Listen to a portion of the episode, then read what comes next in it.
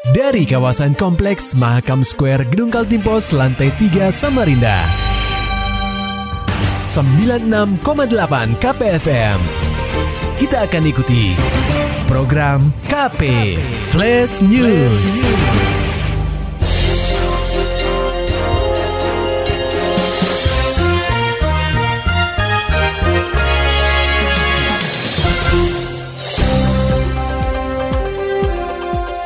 Pendengar KP, upayakan bisnis bongkar muat yang efisien, APBMI Kaltim gelar Muswil.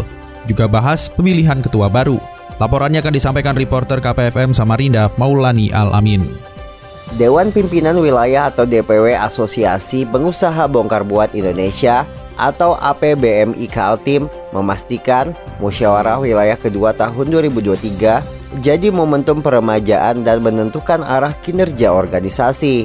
Musyawarah wilayah yang berlangsung di Hotel Bumi Senior Senin 17 Juli 2023 tersebut juga mengagendakan pemilihan ketua baru periode 2023-2028. Ketua Umum APBMI Pusat Juswandi Kristianto berharap musyawarah wilayah yang diselenggarakan DPW Kaltim berjalan lancar. Kepada Ketua DPW APBMI terpilih nanti, Juswandi berpesan agar dapat meluangkan waktunya bagi seluruh anggota organisasi. Dia harus meluangkan waktu untuk kegiatan asosiasi untuk anggotanya, ya. Jadi untuk kepentingan anggotanya. Nah, kedua, dia harus mempunyai hubungan yang baik dengan stakeholder terkait atau instansi terkait yang berhubungan kerja dengan uh, perusahaan bongkar muat. Ditemui di lokasi yang sama Ketua periode 2018-2023, TK Singko mengaku tak keberatan apabila dipercaya kembali menahkodai APBMI Kaltim. TK Singko bakal berupaya meningkatkan koordinasi di tubuh organisasi, baik di tingkat pusat, daerah, hingga kabupaten dan kota. Begitu juga dalam upaya membangun hubungan baik dengan pemerintah pusat dan daerah. Kita akan siap untuk meningkatkan pelayanan kepada anggota. Itu pertama ya. Yang kedua, tentunya kita sinergi menghadapi regulasi. Karena itu regulasi kan di tingkat pusat. Bertajuk meningkatkan profesionalisme dengan sinergitas, digitalisasi, fungsi dan peran perusahaan bongkar muat dalam memperlancar arus barang nasional, musyawarah wilayah tersebut diikuti 72 peserta yang berasal dari pimpinan cabang APBMI sebenua etam. Peserta lainnya adalah perwakilan dari perusahaan bongkar muat yang terdaftar pada APBMI Kaltim. KPFM Samarinda, Maulani Alamin melaporkan. Pendengar KP tahun ajaran baru di kota tepian telah dimulai. Praktis anak-anak yang bersekolah mulai dari jenjang TK, SD, SMP, dan SMA sudah memulai kegiatan belajar mengajar di sekolahnya. Untuk menunjang kegiatan belajar mengajar, biasanya guru di sekolah meminta siswa-siswinya untuk menyediakan buku paket sebagai bahan materi pengajaran.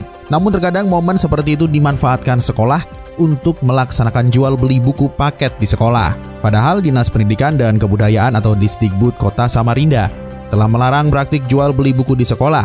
Kadis Dikbud Samarinda Asli Nuryadin menekankan bahwa pengadaan buku wajib akan disediakan oleh pemerintah melalui dana Bosnas di mana seharusnya semua murid dapat.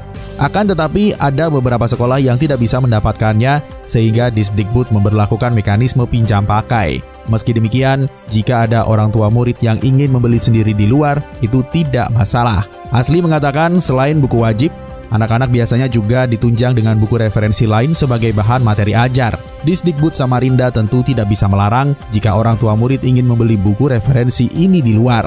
Akan tetapi asli tidak ingin sekolah melaksanakan praktik jual beli buku, baik itu buku wajib atau buku referensi. Intinya eh, bahwa buku wajib itu itu disediakan oleh pemerintah melalui dana bosnas itu jelas ya. Nah kemudian uh, harusnya itu by name by address. Jadi setiap murid dapat, tapi ada beberapa sekolah yang tidak bisa by name by address, sehingga anak-anak kita itu berlakulah mekanisme pinjam pakai. Hmm. Nah, ada juga anak yang tidak senang dengan buku pinjam pakai atau orang tua. Nah, kalau mereka beli dari luar, saya kira nggak ada masalah seperti itu.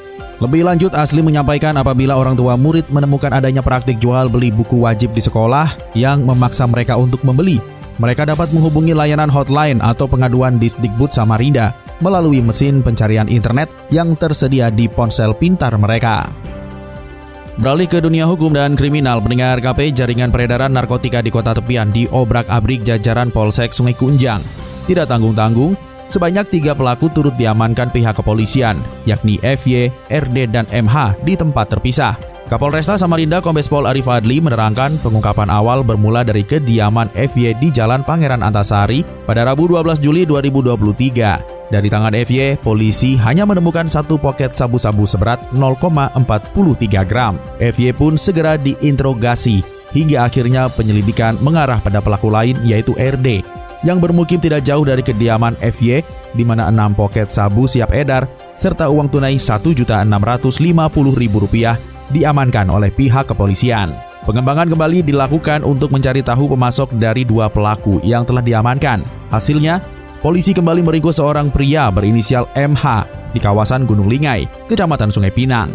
Awalnya, polisi hanya menemukan 20 poket sabu siap edar yang dijatuhkan MH saat diamankan di sebuah warung. Namun saat penggeledahan di kediaman MH, Ari menegaskan pihaknya menemukan 28 poket sabu-sabu siap edar lagi serta dua poket sedang berisi sabu-sabu juga. Tidak hanya itu ditemukan juga uang tunai 80 juta rupiah yang diduga merupakan hasil penjualan narkoba ini.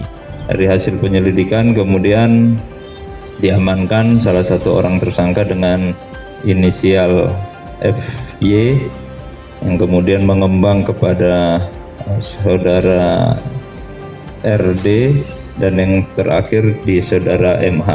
Jadi dari total ketiga tersangka ini diamankan barang bukti sabu total seberat 100 103 gram total seluruhnya. Ya, untuk barang bukti lain diamankan juga uang hasil penjualan dari tersangka MH ini ada sekitar 80 juta ya dan handphone dan alat-alat lainnya. Atas perbuatannya, para pelaku akan dijerat dengan pasal 114 ayat 2 subsidiar pasal 112 ayat 2 Undang-Undang Nomor 35 Tahun 2009 tentang narkotika dengan ancaman minimal 6 tahun penjara. Berita selanjutnya pendengar KPI RT di Lok Bahu tawarkan tetangganya kepada lelaki hidung belang. Laporan selengkapnya akan disampaikan reporter KPFM Samarinda Muhammad Nur Fajar pelaku tindak pidana perdagangan orang atau TPPO sedang gencar diburu oleh jajaran Polresta Samarinda. Kali ini, seorang ibu rumah tangga atau IRT muda berinisial FA yang berdomisili di Kelurahan Lok Bahu, Kecamatan Sungai Kunjang, diamankan oleh pihak kepolisian pada Rabu 5 Juli 2023. Kapolresta Samarinda, Kombes Pol Arif membeberkan, FA diamankan setelah pihak kepolisian melakukan patroli di sebuah hotel di Jalan Tengkawang. Saat itu, petugas mendapati seorang muda-mudi yang bukan pasangan suami istri berada di kamar hotel.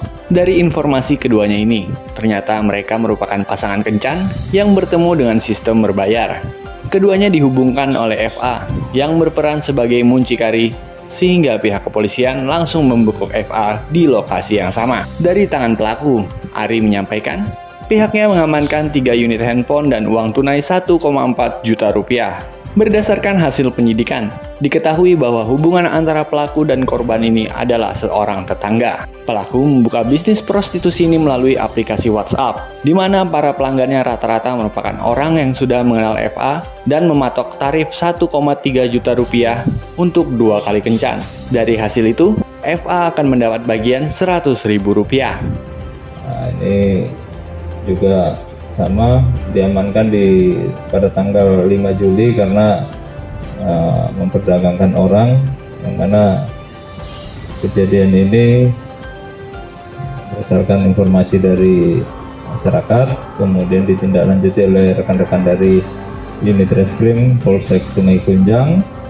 Dan setelah dicek di tempat kejadian ternyata benar.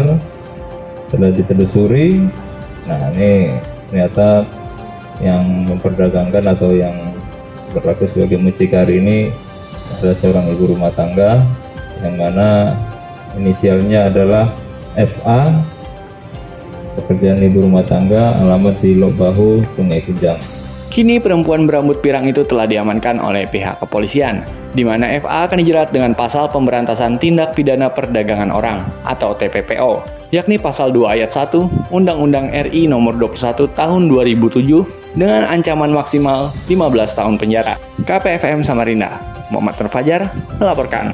Maulani Alamin, Muhammad Nur Fajar, KPFM Samarinda. Serta dapatkan berita-berita selengkapnya di www.968kpfm.co.id. Demikian tadi telah kita simak rangkaian berita-berita yang terangkum dalam program KP Flash News. Persembahan dari 96,8 KPFM. Terima kasih dan sampai jumpa.